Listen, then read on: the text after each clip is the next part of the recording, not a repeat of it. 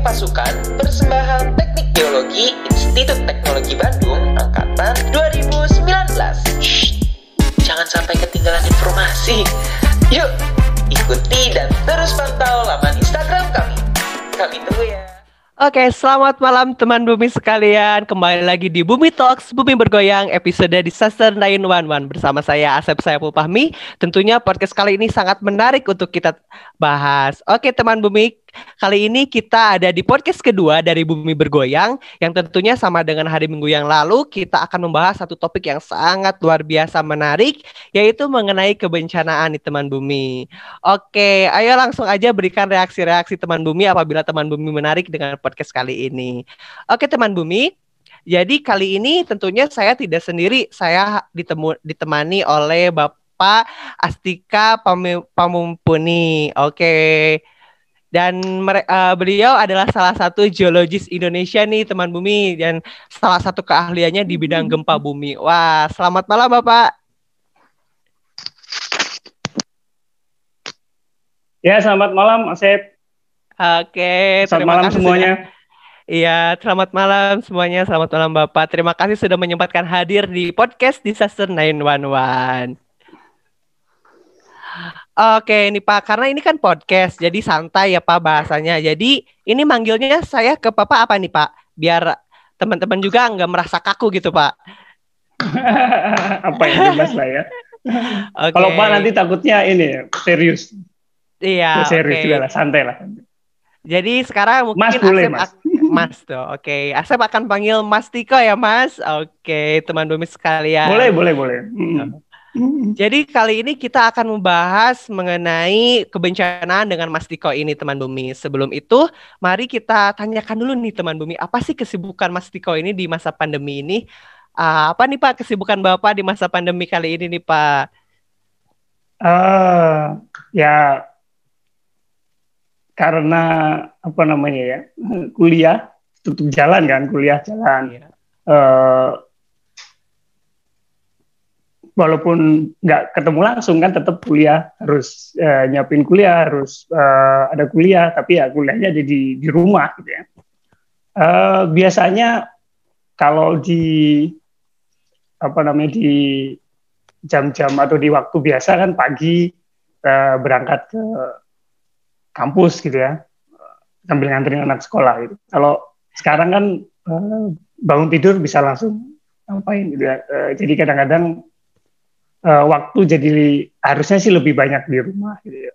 Okay. Sore gitu tadinya pulang misalnya jam 5 dari kampus, nah sampai rumah kan udah gelap. Nah, kalau sekarang jam 5 misalnya atau setengah lima selesai kuliah, bisa langsung uh, apalah bercocok tanam atau apa ya. Itu. Sekarang sih gitu, jadi tetap jalan lah. Iya teman bumi sekalian. Jadi kita walaupun di masa pandemi ini kita harus tetap produktif nih teman bumi. Kita tidak boleh menyalahkan keadaan karena pandemi kita bermalas-malasan tidak produktif. Kita tetap harus produktif tetapi dengan satu yaitu mematuhi protokol kesehatan teman bumi. Oke teman bumi karena kita juga udah membahas tadi ya kesibukan uh, Mas Tiko ini. Sekarang kita langsung aja nih bahas mengenai kebencanaan yang kita tunggu-tunggu. Eits, eits, eits, tapi tunggu dulu nih. Mungkin teman bumi ada yang pengen nanya nih ke Mas Tiko secara langsung, boleh banget teman bumi langsung uh, tuliskan pertanyaannya di kolom komentar IG Live kita. Nanti Asep akan langsung tanyakan kepada Mas Tiko ini. Oke, jangan lupa berikan reaksi-reaksi menarik teman bumi sekalian agar uh, podcast kali ini uh, bisa di terima dengan baik. Juga teman Bumi ajak nih teman yang lainnya untuk menonton podcast kali ini. Oke, langsung aja nih Mas Tiko. Untuk uh, pertanyaannya jangan susah-susah ya. Oh, tidak, tidak, tidak. Tenang saja. Karena ah saya yakin Mas Tiko ini sudah luar biasa di bidangnya. Oke, Pertanyaan pertama ini mungkin ini dasar ya Mas mengenai kita sering menggunakan kata bencana nih, tapi mungkin sebagian hmm. orang masih awam. Apa sih bencana ini Mas Tiko? Nah, bisa dijelaskan nggak Mas Tiko nih, apa sih bencana ini sebenarnya? Oke, jadi sebenarnya uh, bencana itu kan ada syaratnya. Jadi bencana itu harus ada korban jiwa atau uh, materi atau uh, apa ya merugikan lah artinya harus ada kerugian kalau suatu kejadian itu misalnya ya, misalnya ada longsor gitu ya, atau eh, apalah gempa gitu ya. Kalau gempanya itu tidak menyebabkan kerugian baik materi atau non materi itu ya jadi bukan bencana gitu ya.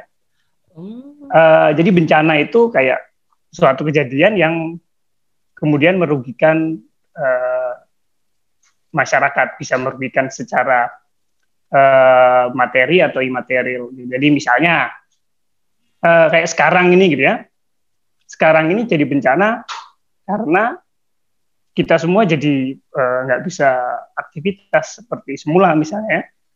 Atau iya, benar uh, banyak yang tadinya kerja jadi nggak bisa kerja gitu ya. Nah itu itu jadi sebuah kerugian yang sebenarnya bisa dikuantifikasi bisa di bisa dinilai gitu ya. Uh, atau misalnya apa ya bahkan mungkin suatu kejadian yang uh, ada bencana itu misalnya namanya bencana gagal teknologi gitu ya. Itu juga jadi bencana misalnya tiba-tiba satu uh, waktu itu sempat di Jawa listrik padam gitu ya. Nah itu sebuah bisa dikategorikan bencana sebenarnya karena kerugiannya bisa kita hitung. Uh, jadi sebuah kejadian yang harus ya, yang merugikan. Jadi kalau kejadian itu uh, misalnya banjir atau apa gitu, kalau tidak menimbulkan kerugian ya jadinya bukan bencana. Jadi sebuah kejadian saja atau peristiwa. Oke. Okay. Nah, itu ya. Tuh teman bumi sekalian, jadi bencana itu peristiwa atau serangkaian peristiwa yang menyebabkan kerugian nih uh, teman bumi baik secara material ataupun non material. Oke, tuh kita sudah hmm. mendapatkan pengetahuan baru nih teman bumi. Oke, selanjutnya mungkin kita menjurus ke bencana alam nih Pak. Nah sebenarnya apa sih ya Pak yang termasuk ke bencana alam ini Pak? Nah ini ini sebenarnya ada ada ini ya ada sebuah uh, menurut saya ini saya menurut saya pribadi.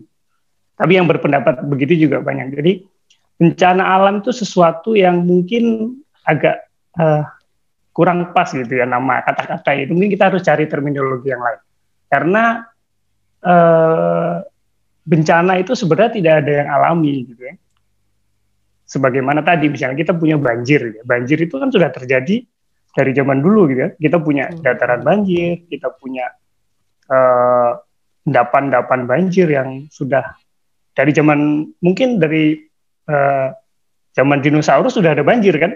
Eh, ya, oh, ya benar-benar. Uh, apakah benar, dia jadi bencana? Uh, jadi bencana enggak enggak karena enggak ada manusia, enggak ada kerugian. Jadi uh, sebenarnya bencana alam uh, dalam terminologi ini alam ini bukan alami tetapi mungkin terkait dengan alam mungkin ya. Jadi mungkin bisa juga dicari alternatif kata atau atau frase yang lebih pas mungkin ya. Jadi bukan bencana yang diakibatkan alam, nah itu kesannya itu alam menyebabkan kita rugi. Gitu. Ya. Padahal kita yang menyebabkan rugi kan kita sendiri, benar ya? ya kita misalnya nih contohnya ya, oh, kita bikin rumah di dataran banjir.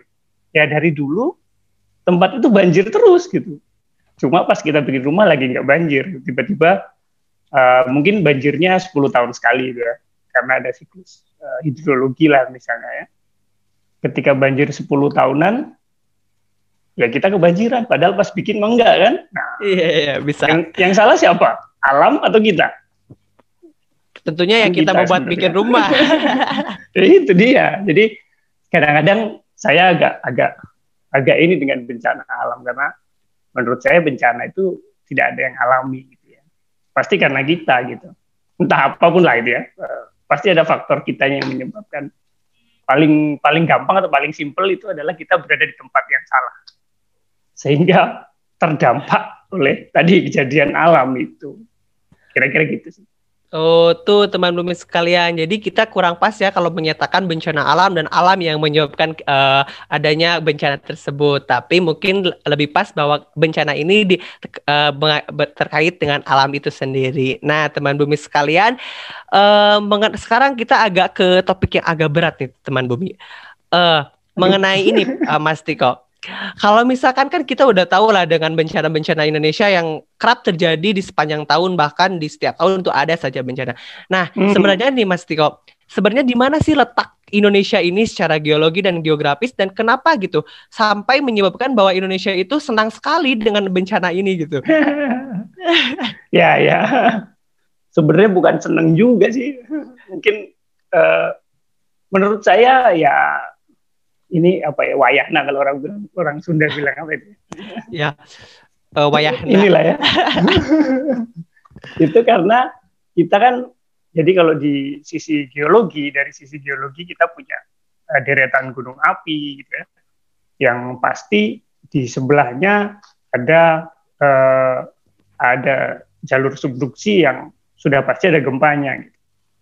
Kemudian kita punya uh, apa namanya selain deretan gunung api, kita punya juga uh, interaksi lempeng yang lain. Misalnya uh, kita punya Gunung Jaya Wijaya gitu ya yang pegunungan gitu ya, yang bentuknya pegunungan karena adanya collision misalnya. Nah itu uh, menyebabkan nggak ada gunung api gitu, tapi uh, yeah. ada gempanya misalnya ya.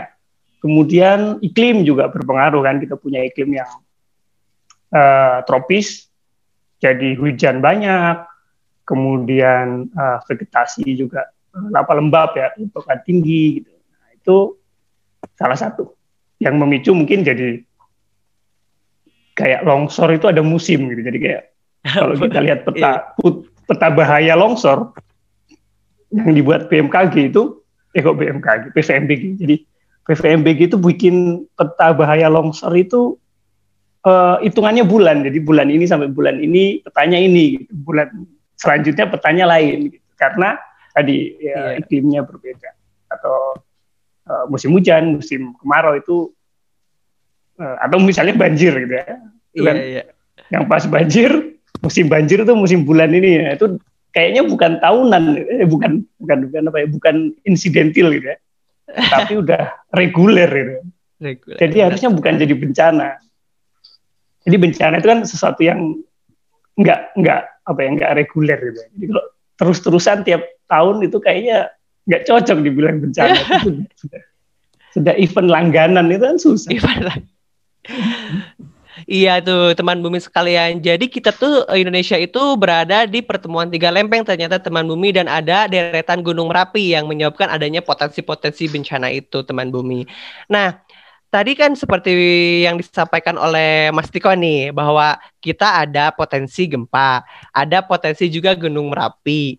Nah, sebenarnya Pak dari uh, sebenarnya dari uh, bencana-bencana tersebut ya, Mas, apa yang paling mungkin terjadi di Indonesia ini dan paling berdampak gitu, paling uh, menunjukkan dampak yang paling signifikan terhadap Indonesia ini? Oke, jadi uh, saya pernah lihat uh, tergantung yang di, dibilang dampak nanti kita lihat. Jadi uh, dari sisi dari sisi korban paling banyak yang meninggal dunia itu seingat saya mungkin di 20 tahun terakhir ini adalah tsunami Aceh 2004 itu korbannya paling banyak, korban meninggalnya paling banyak. Uh, tetapi kalau dari sisi kerugian yang uh, menderita, jadi orang yang terpengaruh gitu ya, kalau kita lihat atau yang terdampak gitu ya, yang paling banyak adalah banjir. Oh. Kenapa? Karena tiap tahun terjadi. Jadi tiap tahun terjadi. Kalau selama 20 tahun itu dikumpulin lebih banyak daripada tsunami Aceh itu yang terdampak. Walaupun mungkin ya yang meninggal sedikit, tapi yang harus mengungsi, yang harus beres beresnya rumahnya uh, harus ganti kasur lah atau apa, paling banyak. Hmm, kelihatannya enggak, wow, mungkin kalau diuangkan kecil gitu ya, karena tadi enggak ada yang yang meninggal mungkin tidak sebanyak tsunami Aceh. Tetapi kalau dari sisi yang uh, apa yang uh, menderita istilahnya menderita ya. iya. mengalami mengalami efek itu terdampak itu banjir paling banyak. Jadi kalau gunung api itu ya gunung api eh, kita udah punya misalnya ada peta bahaya gunung api gitu ya. Uh, ya hanya biasanya beberapa desa itu diungsikan atau apalah dan itu ada signal khusus atau ada ada pemantauan gunung api yang sudah lumayan bagus gitu ya walaupun tetap harus ditingkatkan tetapi sudah lumayan lah ada warningnya gitu. Iya, iya. Tapi kalau kalau banjir ini kayaknya udah tiap tahun harusnya udah tahu ya. iya, kita event langganan Pak banjir. Pas. Oke. Okay. Apalagi rumahnya Asep. Kayaknya rumahnya Asep Dayuh Kolot kali enggak? Ah, enggak tidak. Saya di pegunungan, Pak. Kalau misalkan oh, saya banjir nanti yang di bawah saya tenggelam menjadi lautan. Oke. okay. Uh, maaf banget nih teman bumi, nah Asep kadang panggil Pak, kadang panggil Mas Tiko karena sedang pembiasaan ini dengan Mas Tiko ini ya. Oke lanjut nih Mas Tiko. Eh, saya juga mm, membaca gitu uh, si Mas Tiko nih, wah orang orangnya sangat luar biasa hebat nih teman bumi. Dan Mas Tiko ini uh, geologis di bidang gempa bumi dan geomorfologi ternyata teman bumi. Nah berkaitan dengan itu, mungkin teman bumi juga pengen tahu nih apa sih gempa bumi gitu. Kenapa kita bisa bergoyang-goyang karena gempa bumi ini gitu. Nah bisa dijelaskan nih Mas Tiko, bagaimana sih gempa bumi ini terjadi dan apa sebenarnya gempa bumi ini? Gitu? Oke, jadi gempa bumi itu sebenarnya suatu peristiwa ketika uh, jadi ada pergerakan di bawah permukaan bumi uh, yang menyebabkan kayak apa ya kita punya uh, ada yang bilang patahan, tetapi saya tidak terlalu ini karena agak aneh. Gitu. Kalau di bahasa Indonesia sebenarnya sesar ya, Se, sesar, uh, sesar, sesar, sesar, oh, sesar, bukan e. Nah, sesar, nah sesar itu jadi uh, kayak misalnya di zona subduksi itu ada dua. Jadi kalau kita punya dua uh, apa ya dua bahan yang kita tempelkan kemudian kayak misalnya tangan gitu ya kita tekan yang satu ditekan ke sebelah sana satu di sebelah sini gitu itu suatu ketika dia akan uh, fail ya istilahnya itu langsung bergerak gitu tapi sebelum bergerak dia akan mengumpulkan energi dulu nah ketika dia bergerak gitu ya atau beberapa bilang misalnya kayak kita punya penggaris dipatahin ya. Nah, ketika event di patah tadi atau misalnya tangan tadi kita di truk, nah ketika bergerak itu muncullah uh, gelombang gempa. Nah, gelombang ini macam-macam, tapi ada tiga lah paling kayak ada uh, empat ada empat gelombang yang nyebarnya lewat permukaan, ada yang lewat uh, medium. Nah, itu itu yang kita rasakan. Biasanya gelombang itu nanti kita rasakan uh, kalau jauh itu dua kali. Minimal minimal itu dua kali. Biasanya yang pertama itu kecil nah nanti yang kedua itu lebih besar. Nah itu yang uh, biasanya kita alami. Nah gelombang ini yang kemudian bisa merusak bangunan bisa merusak apa ya mungkin uh, bisa jadi bikin longsor gitu. Itu uh, gempa. Nah, pertanyaan selanjutnya tadi apa ya? Yang menyebabkan gempa itu apa gitu ya? Nah, iya, yang menyebabkan Pak. gempa itu sebenarnya uh, kita punya namanya tadi sesar gitu ya, yang di yang kalau nanti teman-teman uh, belajar lebih detail gitu kita bisa lihat di di uh, permukaan atau di surface gitu ya atau misalnya zona subduksi yang ada di uh, bawah laut. Di uh, apa namanya sebelahnya deretan gunung api lah. Nah, itu uh, ujungnya di palung ya di, di palung uh, laut. Nah itu uh, sebenarnya kita bisa petakan. Jadi sumber gempanya di mana aja itu kita secara umum sebenarnya tahu. Karena zona gempa itu juga udah kelihatan kan. Jadi kalau di Indonesia ya sebenarnya hampir semua Indonesia zona gempa gitu. Jadi uh, harusnya kita sudah terbiasa dengan gempa. Iya. Tuh, jadi teman bumi berdasarkan penuturan dari Mas Tiko nih, ternyata gempa bumi itu adalah uh, getaran yang terjadi di permukaan bumi akibat adanya pelepasan energi di bawah permukaan bumi yang menyebabkan iya. gelombang ya. tadi. Tuh. Nah, jadi teman bumi udah dapat pengetahuan baru nih dengan tentang gempa bumi nanti bisa sharing-sharing ke teman bumi yang lain. Juga ternyata Indonesia itu jalur gempa di mana-mana teman bumi. Jadi ja, kita tidak usah shock lagi mendengar kata gempa karena ya gempa itu bisa terjadi kapan saja ternyata di Indonesia.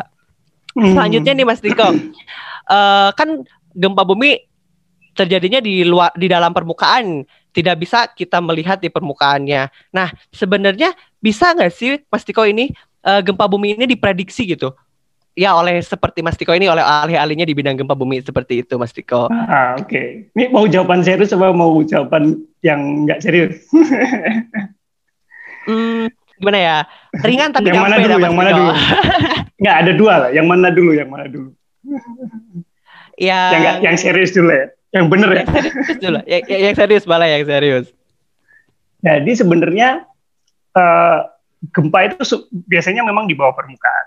Jadi eh, paling dangkal itu mungkin di satu kilo gitu ya. Itu di terakhir di Perancis itu itu cukup mengebohkan memang. Jadi eh, gempanya itu cuma 4, koma sekian, tapi kedalamannya cuma satu setengah kilo. Biasanya eh, gempa-gempa dangkal yang dikategorikan gempa dangkal itu antara 0 sampai 30 eh, kilometer. Eh, beberapa kali mungkin mana ya di Kali Bening beberapa waktu yang lalu beberapa tahun yang lalu itu juga eh, kedalamannya cuma 5 kilo. Nah, kedalaman gempa ini nanti berpengaruh ke apa yang kita rasakan karena semakin dekat kita dengan eh, sumber gempa atau hiposenternya gitu ya, itu eh, pasti lebih kerasa karena eh, lebih dekat kan. Jadi gelombangnya energinya masih besar.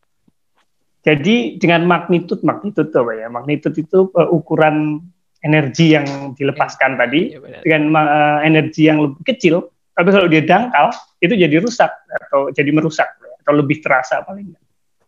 Tapi kayak misalnya pernah waktu itu eh, gempa cukup besar 6, sekian gitu, tapi di 200 kilo misalnya di zona subduksi, jadi kita nggak ya goyang aja gitu, tapi nggak merusak. Kemudian tadi pertanyaannya sebenarnya gempa itu bisa muncul ke permukaan.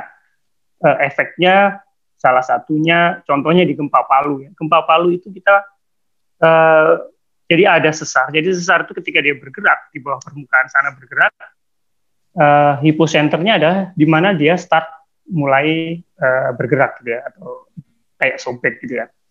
Nah, ketika sobekannya ini sampai ke permukaan itu ya permukaannya bergeser gitu Hmm. kayak di Palu eh, 2018 dua tahun 18, yang ya. lalu itu eh, maksimal yang kita ukur sekitar 6 meter. Jadi tetangga itu pindah gitu ya, kamar mandinya jadi di kamar tempatnya tetangga gitu, karena bergeser 6 meter. Atau biasa kita sebut sebagai surface eh, ruptures gitu ya.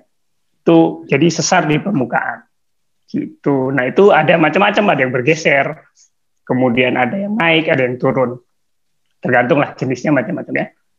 Kemudian pertanyaannya tadi yang terakhir ini pertanyaan yang sebenarnya paling sering muncul dan paling paling sering jadi eh, kehebohan gitu ya karena biasanya Iya, muncul benar. di grup WhatsApp kan Iya benar Wah, sekali Mas Tiko. Ah, tanggal sekian jam sekian eh, ada eh, gempa besar itu menurut saya eh, ada benar ada enggaknya benernya gini contohnya ya kalau kalau Asep tanya saya misalnya "Eh, besok ada gempa enggak saya punya eh, saya punya, bisa jawab besok ada gempa dengan kemungkinan benar mungkin 98 persen ya. Oh. Karena kalau kita hitung, kalau kamu eh, misalnya Asep install ini enggak info BMKG enggak, itu kalau diinstal dinyalain notifikasinya itu nggak pernah nggak nyala setiap hari gitu ya, pasti nyala. iya Pertanyaannya benar. adalah selalu ada. Nah, jadi kalau ditanyain prediksi gempa bisa nggak? Wah, tergantung prediksinya kayak apa. ya. kalau saya bilang, wah di Indonesia besok ada gempa itu kemungkinan ada, ada Hmm. eh, mungkin bisa jadi gitu ya. Karena gempa-gempa yang di bawah 5 magnitudnya itu hitungannya harian, mungkin jam, ya. tiap jam mungkin bisa ada. Artinya eh, ya itu sebuah proses yang berjalan terus gitu. Hmm. Tetapi tadi apakah dia merusak atau tidak? Nah, yang jadi pertanyaan kan yang besar-besar, yang besar Iya. gimana? Iya Nah. betul Mas. Kalau waktu kapan itu kita nggak bisa. Mhm. Jadi waktunya kapan itu nggak bisa. Jadi kayak yang tadi oh tanggal sekian bulan sekian pas bulan purnama pas apa itu pasti pasti hoax lah ya. Kalau ada yang bisa kayak gitu dan benar itu udah jadi mungkin dapat Nobel Prize gitu ya. Tapi belum ada yang sampai situ. Nah, prediksi yang yang seperti apa yang bisa dilakukan itu lokasinya. Jadi lokasi itu berkaitan dengan tadi sumber gempa kan. Jadi Iya, kalau iya, kita punya benar-benar. sumber gempa berarti kita punya kemungkinan bahwa oh di sini nih ada sumber gempa, berarti ada kemungkinan dia uh, gempa di situ. Kayak misalnya di sesar Sumatera gitu ya.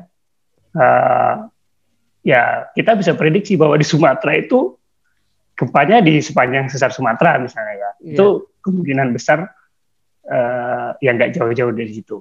Atau misalnya Palu Koro gitu ya, sesar Palu Koro ya kalau gempanya di situ orang nggak aneh kan. Kalau tiba-tiba yeah, ada iya. gempa di somewhere di uh, Laut Jawa yang dangkal, nah itu mungkin jadi pertanyaan. Tapi prediksi dalam tanda kutip uh, uh, apa ya me, memetakan ya memetakan atau kira-kira lokasinya ada di mana yang jadi uh, sumber gempa itu kita bisa lakukan. Kemudian apa ya kadang-kadang besarnya juga kita bisa ada ada pendekatan empiris lah oh ini sesarnya panjang nih berarti kalau dia gempa kira-kira magnitudenya berapa itu uh, ada lah ada ada ininya ya bisa di, bisa dihitung. Kemudian apalagi tempat besar waktu nggak bisa ya.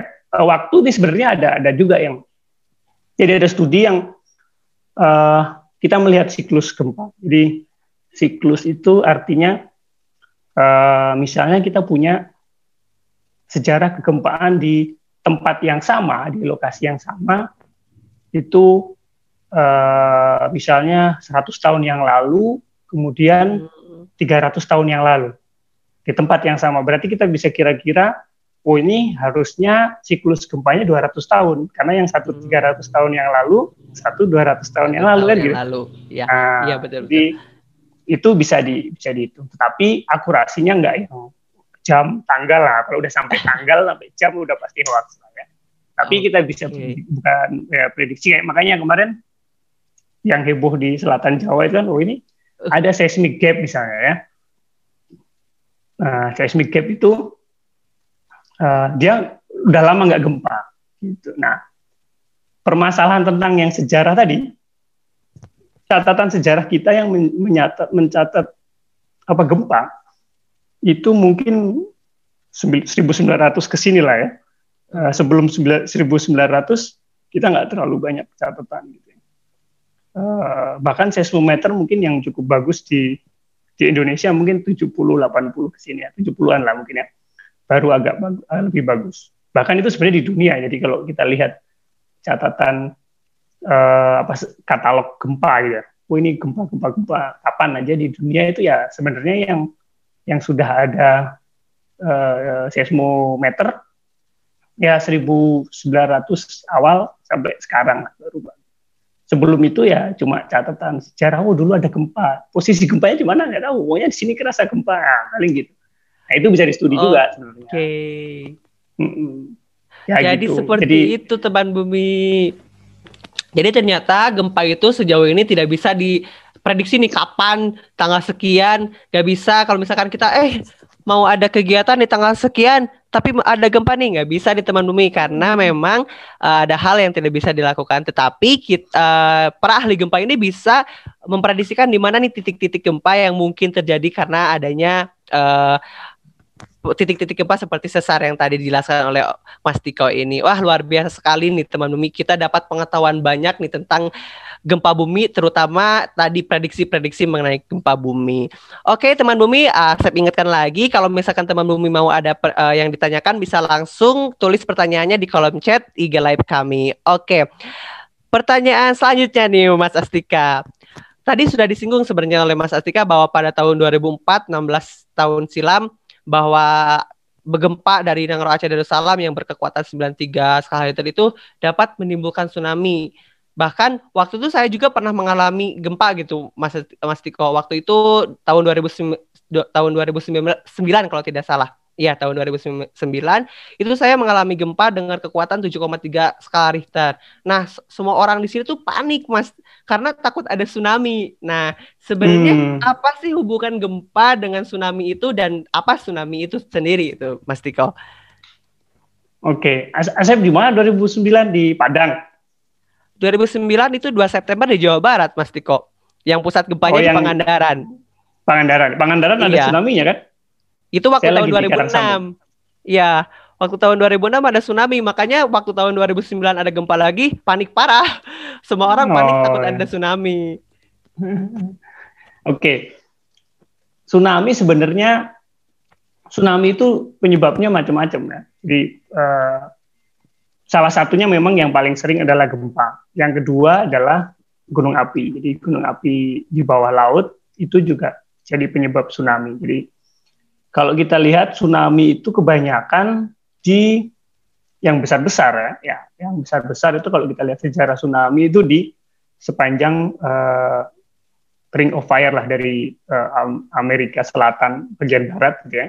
Muter ke utara sampai ke Alaska, kemudian ke Jepang sampai ke tempat kita. Jadi eh, itu yang mencatat eh, tsunami cukup cukup atau paling banyak gitu ya.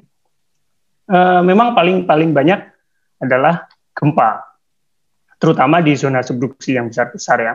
Itu jadi tsunami. Eh, tetapi ada yang lain, ada yang longsor gitu ya, ada yang tadi gunung api, ada juga meteor ya. Jadi kalau ada meteor jatuh Meteor. di laut, nah itu juga jadi tsunami. Intinya sebenarnya gini, jadi intinya adalah kalau kita punya kolom air, eh, kemudian di dasar atau di atasnya ya kalau meteor dari atas ya. Tapi kalau yang longsor atau yang eh, gunung api atau atau gempa itu eh, dasar lautnya tiba-tiba berubah.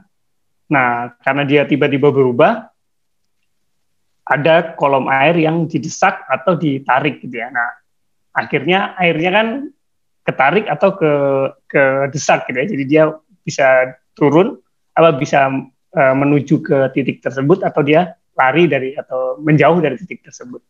Yang akhirnya terus terbentuklah gelombang eh, tsunami tadi. Nah, bagaimana dasar laut ini bisa eh, tiba-tiba berubah gitu? Nah, Yang pertama tadi kalau kita punya sesar tadi ya. Jadi kalau kita punya sesar itu kalau sesarnya sampai ke dasar laut, maksudnya kayak di Palu misalnya, ya, Palu itu kan muncul ke permukaan. Gitu. Nah ini muncul ke ke permukaan bukan permukaan berarti ke dasar laut ya. Nah ke dasar laut, nah itu jadi eh, bisa menyebabkan tsunami. Makanya tsunami yang paling banyak eh, paling besar besar itu ada di zona subduksi karena eh, di bagian palungnya gitu ketika gempa dari subduksi terjadi, nah itu di bagian palungnya itu bergerak naik eh, beberapa meter misalnya. Nah kelihatannya sedikit ya misalnya 2 meter gitu, tapi kalau areanya luas banget kan yang dipindahin kan jadi banyak ya, iya betul. lubangnya jadi tinggi. Terus apa lagi tadi ya? Eh, tsunami itu tadi bisa jadi karena longsor atau karena Longsor. Eh, Meteor tadi ya api Pak yang jatuh. atau meteor. Ada macam-macam lah. Nah, kayak misalnya di Selat Sunda ya, kemudian di eh, Palu itu juga di Palu itu beberapa menyatakan dia eh, apa namanya karena longsor murni. Ada yang menyatakan juga ada longsor, ada ada akibat sesar atau surface rupture juga.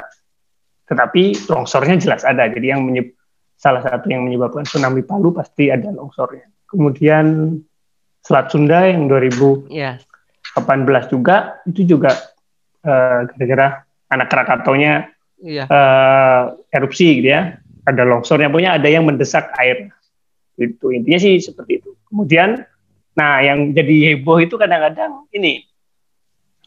Jadi kadang-kadang saintis suka gitu ya. Jadi ilmuwan tuh suka ngasih eh, tinggi tsunami itu macam-macam gitu. Ada yang bilang tinggi tsunami gitu ya. Ada yang ternyata tinggi itu bisa diukur di pantai, bisa diukur di eh, titik terjauh airnya Jauh. sampai mana gitu ya. Baik. Jadi terminologi itu bikin pusing orang gitu. Jadi harusnya mungkin dibuat konsisten. Jadi kayak misalnya 20 meter gitu ya.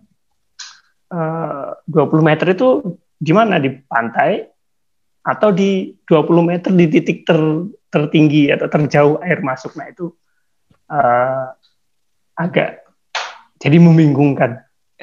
Saya juga kadang-kadang ini kalau baca berita itu pasti ini yang maksud 20 meter tinggi tsunami yang mana nih? Karena orang jadi panik kan, "Uh, 20 meter rumah saya cuma 5 meter ini. Nah, itu panik. Padahal rumahnya ada di tinggian 50 meter di bukit gitu ya, sebenarnya nggak apa-apa. Eh, Itu kira-kira ya, moga-moga menjawab Asep. Oke, itu teman bumi semua. Jadi ternyata tsunami itu tidak hanya uh, disebabkan oleh gempa bumi, tadi bisa terjadi longsoran di permukaan laut, terjadi adanya aktivitas gunung berapi di tengah laut, bahkan meteor pun yang jatuh dari langit bisa menyebabkan yeah. tsunami, teman bumi. Oke, teman bumi, karena pertanyaan-pertanyaan dari Asep udah beres nih, teman bumi. Sekarang kita masuk ke mungkin sesi yang sangat teman bumi tunggu-tunggu nih, yaitu sesi tanya jawab nih, Mas Tika. Karena banyak sekali pertanyaan-pertanyaan yang masuk di kolom chat live IG kita. Langsung saja kali ya Waduh. kita diskusi mengenai pertanyaan-pertanyaan yang disampaikan oleh teman bumi yang uh, menonton kali ini. Moga-moga nggak susah-susah ya. Uh, mudah-mudahan ya Pak. Mudah-mudahan nggak susah-susah lah. Saya yakin Mas Tiko ini sudah handal di bidang kebencanaan dan gempa bumi tentunya. Nah ini uh, ada pertanyaan nih Mas Tiko dari Nijar. Katanya beberapa waktu yang lalu salah satu PTN di Indonesia mengklaim bisa memprediksi gempa dengan melihat aktivitas air tanah seperti sumur dan meningkatkan gas radon di sekitar wilayah yang akan terjadi gempa. Nah, bagaimana nih tanggapan dari Mas Diko mengenai hal tersebut? Oke, itu jadi memang ada beberapa studi, salah satunya itu ya gas radon, uh, yang menyatakan atau istilahnya itu sebenarnya prekursor ya artinya prekursor gempa. Uh, atau tanda-tanda sebelum gempa itu macam-macam ada gas radon, ada pakai satelit itu di uh, namanya very low frequency uh, eh, VLF ya, very low frequency. Yeah. Jadi ada gelombang-gelombang yang sangat low yang dideteksi dari satelit misalnya. Ada beberapa lah, banyak studi itu. Uh, nah, studi-studi ini memang sedang ber, apa ya eh, ada beberapa yang sedang melakukannya tetapi uh, sampai saat ini setahu saya setahu saya belum ada yang benar-benar terbukti uh, 100% artinya begini uh, misalnya ada yang tadi mungkin uh, oh ini bisa dijadikan prekursor. Ya boleh saja gitu ya uh, apa namanya studi itu di dilakukan uh, gitu ya. Tapi apakah sudah uh, misalnya berapa kali dicoba, terus berapa kali terbukti benar, berapa kali tidak benar. Karena misalnya kayak gas radon dan air tanah gitu ya. Untuk gas radon itu uh, pasti dia harus diukur di daerah uh, sesarnya. Gitu. Oke. Okay. Jadi bukan diukur di misalnya diukur di Bandung tapi gempanya ada di uh, Sulawesi kan nggak gitu. Nah, gasnya yeah. ya iya. di pas di sesarnya gitu. Jadi uh, itu harus di ini lebih lanjut. Artinya belum sampai ke kesimpulan bahwa ini bisa ini jadi belum selesai. Jadi sesuatu studi itu memang pasti begitu ya. Jadi uh, bukan berarti studi oh ini gas bisa dipakai udah selesai gitu nggak tapi sedang diuji terus. Jadi okay. uh, lagi berjalan studinya. Menurut okay. saya, saya nggak tahu juga. Saya nggak studi tuh. yang urusan prekursor. Hmm, tuh gitu teman bumi sekalian. Jadi ternyata mengenai uh, penelitian yang mengenai gas radon dan sumur air itu sedang dalam proses masa studi, tetapi belum bisa dipastikan kebenarannya. Nah, oke okay, kita harus lebih bijak lagi mungkin ya Mas untuk uh, mengetahui hal-hal tersebut untuk menyaring banyak informasi-informasi yang bisa kita uh, gunakan dan bisa kita olah informasi tersebut. Oke. Okay. Pertanyaan selanjutnya, wah ini banyak sekali Mas Tiko yang masuk pertanyaan di live IG ternyata. Waduh. pertanyaan selanjutnya datang dari Lana nih, Mas. Papernya Mas Tiko di 2020 ini yang tentang geohazard collaborative knowledge building. Via Twitter menarik nih Mas. Boleh cerita nggak Mas soal gimana bisa terlibat dalam project itu? Oke, okay. oh, okay. papernya yang di Jadi sebenarnya sebenarnya di di uh, itu gara-gara di gempa Palu ya sebenarnya di gempa Palu itu kita punya uh, bagaimana sains uh, sains itu bisa bisa dilakukan gitu ya berdasarkan uh, apa namanya bahkan kita nggak pernah ketemu gitu ya uh, jadi informasi dari setiap orang uh, muncul uh, kebetulan dari dari Twitter dari uh, apalagi dari Twitter, dari Facebook atau dari mana gitu ya. Uh, dan beberapa info misalnya waktu itu saya mengkonfirmasi uh, jadi sebelumnya ada studi bahwa ini gempa Palu ini harusnya offsetnya sekitar berapa uh, lateral lateralnya sekian sekian gitu. Nah kebetulan karena saya uh, memantau itu juga dan saya kebetulan ke lapangan, kemudian saya konfirmasi oh benar bahwa di lapangan itu uh, ininya segini loh gitu. di lokasi yang ini memang begitu kejadiannya apa namanya akhirnya uh, bagaimana informasi itu di dikumpulkan uh, dijadikan uh, satu yang bukan melalui sesuatu yang uh, formal gitu ya melalui Twitter itu jadi sebuah kolaborasi yang uh, bagus gitu ya bisa untuk informasi penyampaian informasi yang baik ke baik ke kalangan ilmuwan atau maupun di yang umum juga. Gitu. Karena kan nggak oh. semua orang bisa punya kesempatan ke Palu waktu itu misalnya ya. Uh, apalagi orang dari luar negeri waktu itu nggak boleh, belum bisa masuk misalnya. Tapi karena ada ada informasi yang muncul baik dari uh, YouTube, dari Twitter, dari yang lain itu bisa ditarik kesimpulan, oh ini jadi data gitu ya. Jadi tidak harus dari sesuatu yang formal yang strict gitu iya. kira-kira gitulah itu itu, itu yang yang kemudian uh, muncul Oke, tuh sobat uh, teman bumi, Lana terutama tuh sudah diceritakan mengenai ke collaborative knowledge building tadi. Wah luar biasa ini Mas Tiko, sangat luar biasa ini. Selanjutnya nih Mas, ada pertanyaan dari Wawan Tam. Pertanyaannya menarik ini, karena sepertinya dia pengen uh, ingin selamat dari gempa. Apakah hmm. ada tempat yang paling aman dari gempa bumi di Indonesia? Wah, Wantam ini pengen selamat sekali ini dari gempa. jadi gini ya, uh, jadi ada ada namanya uh, mitigasi. Gitu. Jadi kalau kita punya punya uh, jadi ada namanya bahaya, ada bencana gitu ya bahaya itu sebuah kejadian. Jadi kalau ada gempa bumi itu kebahaya bahaya gitu. Itu jadi bahaya saja kalau misalnya rumah kita nggak runtuh kan, benar nggak? Iya. Nah, benar, benar. Nah, kalau kalau uh, kalau rumahnya runtuh jadi bencana. Jadi sebenarnya iya. begini, uh, tempat yang aman adalah yang kita tahu bahayanya seperti apa, terukur bahayanya, sehingga kita bisa melakukan uh, mitigasi atau bisa mitigate uh, bahaya tersebut supaya tidak jadi bencana. Nah itu. Jadi uh, apa ya risiko itu adalah bencana dikali exposure istilahnya. Jadi exposure itu kalau kita punya uh, eh bahaya gitu, kita punya bahaya nih kita kita tahu bahayanya dengan detail misalnya ya misalnya uh, sesar A gitu ya. Oh sesar A ini bergerak uh, tiap 100 tahun kemudian kalau dia gempa magnitudnya 6 gitu misalnya uh, bergeraknya kira-kira 5 mm per tahun. Jadi kalau dia gempa kira-kira bergesernya 50 cm misalnya atau berapa. Nah, yeah, itu yeah. informasi itu yang penting. Jadi kalau kita tahu persis apa yang kita lakukan, ya sebenarnya aman. Jadi bukan berarti uh, oh ini uh, apa di Indonesia apa ada gempa gitu. Apakah kita harus pindah ke uh, New Zealand misalnya di New Zealand ada gempa juga. Gitu.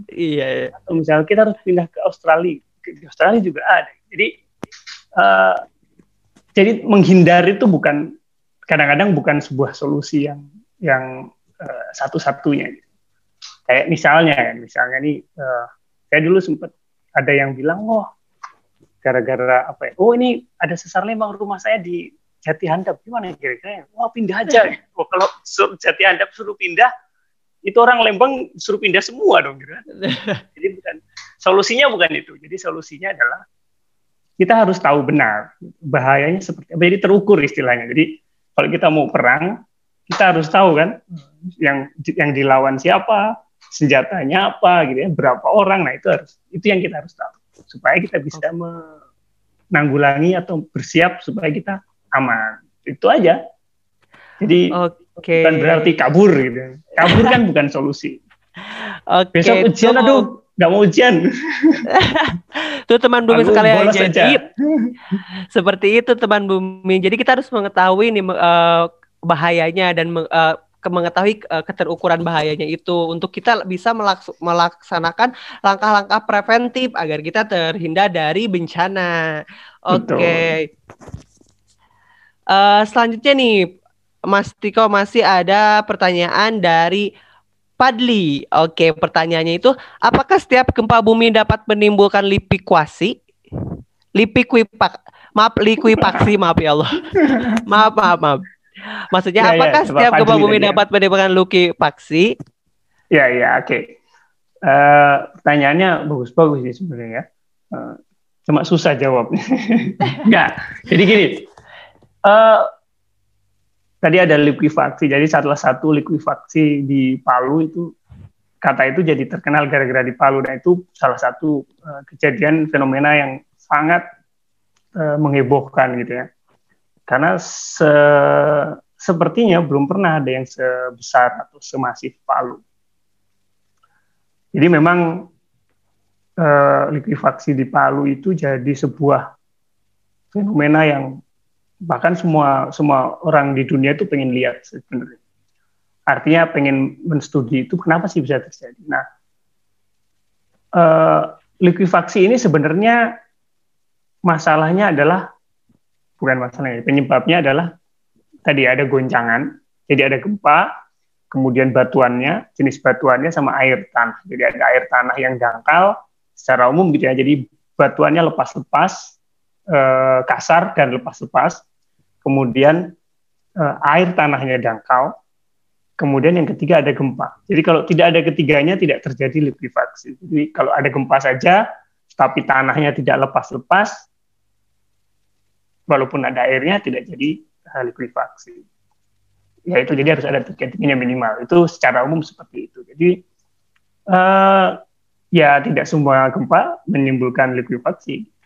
Tidak semuanya, tetapi ada beberapa daerah yang memang rawan terhadap likuifaksi karena tadi memenuhi hampir memenuhi tiga. Jadi ada potensi gempanya air tanahnya dangkal kemudian batuannya batuan yang uh, susceptible istilahnya ya apa ya rentan terhadap likuifaksi dengan kriteria tertentu lah salah satunya. Okay. itu jadi uh, berpotensi gitu. tapi apakah semua berpotensi? Tidak tergantung tempatnya.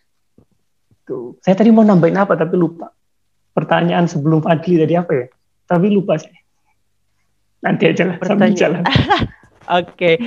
tuh teman bumi sekalian bahwa likuifaksi itu tadi harus minimal ada tiga nih yang memenuhi syarat terjadinya likuifaksi yaitu tadi ada gempa bumi, tanah dan lepasnya tanah dan adanya air. Oke teman bumi sekalian. Nah kalau misalkan ini Pak, yang daerah Indonesia yang berpotensi, terjadi likuifaksi itu selain Palu di mana Pak? Waduh, secara detail saya nggak tahu ya posisinya di mana aja yang yang yang berpotensi. Tetapi uh, likuifaksi itu biasanya itu tidak separah, bukan biasanya, tapi fenomena ada yang kecil, jadi ada yang skalanya kecil gitu ya, muncul beberapa. Jadi biasanya bentuknya kalau waktu gempa itu tiba-tiba muncul istilahnya sand boiling, jadi kayak ada ada air muncul dari bawah tanah, kemudian membawa pasir biasanya. Itu itu fenomena likuifaksi yang common atau yang yang paling sering muncul. Itu terjadi di Palu misalnya di waktu itu di gempa 2006 di Jogja itu juga ada gempa Palu eh Palu eh, apa namanya sebelum Palu Lombok itu juga ada. Jadi uh, tetapi ya di Palu di eh, di Lombok sama di Palu beda kan. Yang Palu heboh sekali gitu ya sangat yeah. korbannya paling banyak di situ. Tapi di Lombok ya likuifaksinya nggak nggak menjadi isu walaupun ada gitu ya. Uh, Bantul juga sama likuifaksinya ada tapi tidak heboh gitu ya. Ya tidak besar. Jadi uh, harus harus kalau nggak salah sih nggak tahu ya ada peta kerentanan likuifaksi atau enggak tapi uh, bahaya ini jadi bahaya itu uh, harus kita petakan ya dan saya pikir teman-teman harus banyak uh, kita kekurangan orang sepertinya untuk yang berkecimpung di dunia uh, geohazard ya. Jadi bukan iya, bukan geodisaster kan ini bukan disaster tapi geohazard jadi bahaya ya. Karena bahaya itu uh, tadi bisa jadi terjadi, jadi enggak. Artinya bisa jadi bencana, bisa jadi enggak. Tergantung kitanya gimana. Gitu. Oke. Okay. Okay. Oh iya saya mau nambahin tadi ingat, baru ingat. Ah, ya, so. Apa nih Mas tadi yang, mau nambahin apa nih? Ah, tadi yang yang sebelum Fadli tadi siapa ya? Uh, tadi apa namanya misalnya uh, loka, uh, saya lokasi rumah saya aman atau enggak gitu ya. Jadi kita itu di di kita bareng-bareng dari banyak institusi, dari universitas, dari LIPI, dari uh, Badan Geologi, macam-macam lah gitu ya. Kita ada namanya Pusgen, Pusat Gempa Nasional. Nah itu di situ kita punya uh, uh, membuat namanya peta sumber gempa nasional. Di situ ada sumber gempanya, kemudian kemungkinannya berapa kita definisikan, uh, kemungkinan gempanya berapa, kemudian apa ya pergerakannya berapa milimeter per tahun itu ada. Nah, kemudian ada peta bahaya gempa nasional juga, jadi ada peta bahaya, jadi ada zona merah sampai hijau lah misalnya. Nah dari situ nanti kita bisa lihat, oh ini rumah kita ada di merah. Jadi kalau di merah itu rumahnya harus seperti apa? Itu nanti berbeda dengan rumah yang di zona hijau misalnya atau di kuning. Gitu ya. Uh, requirement untuk membuat rumahnya nanti berbeda. Nah ini ada juga kalau untuk bangunan yang besar misalnya jembatan, bendungan, nah itu ada ada SNI-nya, ada standar nasional Indonesia ya ya. Indonesia Bukan ya. Sudah, uh, gitu. Nah itu uh, jadi sebenarnya itu salah satu upaya kita untuk uh, membuat uh, apa ya tadi membuat bahaya itu lebih terukur supaya kita bisa ini dengan baik. Jadi kalau di aplikasi kita punya namanya BNPB itu punya namanya Inaris. Itu bisa kita lihat posisi kita ada di mana sih. Ada risiko apa saja gitu namanya Inaris ya Inaris namanya bisa dilihat. Oke, itu teman bu teman bumi sekalian kita bisa nih download uh, dari fitur uh, fitur dari BNPB itu dari Inaris untuk mengetahui keberadaan kita untuk agar kita bisa melakukan langkah-langkah preventif tadi. Oke. Karena mungkin uh, waktu juga sudah menunjukkan pukul 8.38 menit nih Mas Tiko. Jadi kita sudah tira, tidak terasa berbincang uh, lama sekali. Mungkin untuk pertanyaan-pertanyaan dari teman bumi sekalian yang bertanya lagi tidak bisa Asep sampaikan langsung kepada Mas Tiko kali ini, tapi mungkin di lain kesempatan kita bisa berdiskusi lagi, melakukan podcast seperti ini lagi. Oke Mas Tiko, untuk selanjutnya mungkin saya mempersilahkan Mas Tiko untuk uh, melakukan closing statement nih dari Mas Tiko untuk teman bumi yang menonton kali ini. Oke, okay. uh, eh, apa ya? Uh, tadi, jadi bahaya itu bukan untuk ditinggal lari gitu ya, tetapi kita harus uh, ukur dengan baik supaya kita bisa kita harus mengerti dengan baik lah ya uh, dan terukur supaya kita bisa menanggulangi, bisa memitigasi bahaya tersebut supaya tidak jadi bencana. Itu kira-kira ya. Ada satu quote yang uh, menarik. Jadi uh, hazard made in nature, tapi uh, disaster made in society. Jadi artinya secara umum kita punya bahaya itu alami ya. Alami itu bahaya itu selalu ada Artinya juga bahaya itu kita nggak bisa terlalu banyak me mengurangi bahaya gitu. Tetapi uh, disaster itu made in society artinya uh, kita yang menentukan atau sosial atau uh, masyarakat yang menentukan apakah bahaya itu jadi disaster jadi bencana atau bahaya itu jadi sebuah kejadian saja yang tidak uh, merugikan uh, umat manusia lah atau masyarakat secara umum. Itu mungkin uh, closingnya ya, moga-moga bermanfaat. Oke, teman bumi sekalian, tadi sudah ada closing statement dari Mas Tiko ini bahwa ternyata bahaya itu mungkin memang diciptakan oleh alam, tapi disaster atau bencana kita yang bisa menentukan apakah itu dapat menjadi bencana untuk kita atau kita bisa melakukan langkah preventif-preventif untuk menghindari bahaya itu agar tidak menjadi bencana. Baik, teman bumi sekalian, wah Podcast kali ini sangat menarik sekali mengenai bahasan-bahasan kebencanaan, tapi karena waktunya yang memang terbatas, kita tidak bisa seharian melakukan podcast ini. Jadi mungkin podcast kali ini uh, saya akhiri saja. Terima kasih Mas Tiko sudah meluangkan Sama-sama. waktunya memberikan ilmu yang sangat luar biasa banyak tentunya di malam kali ini.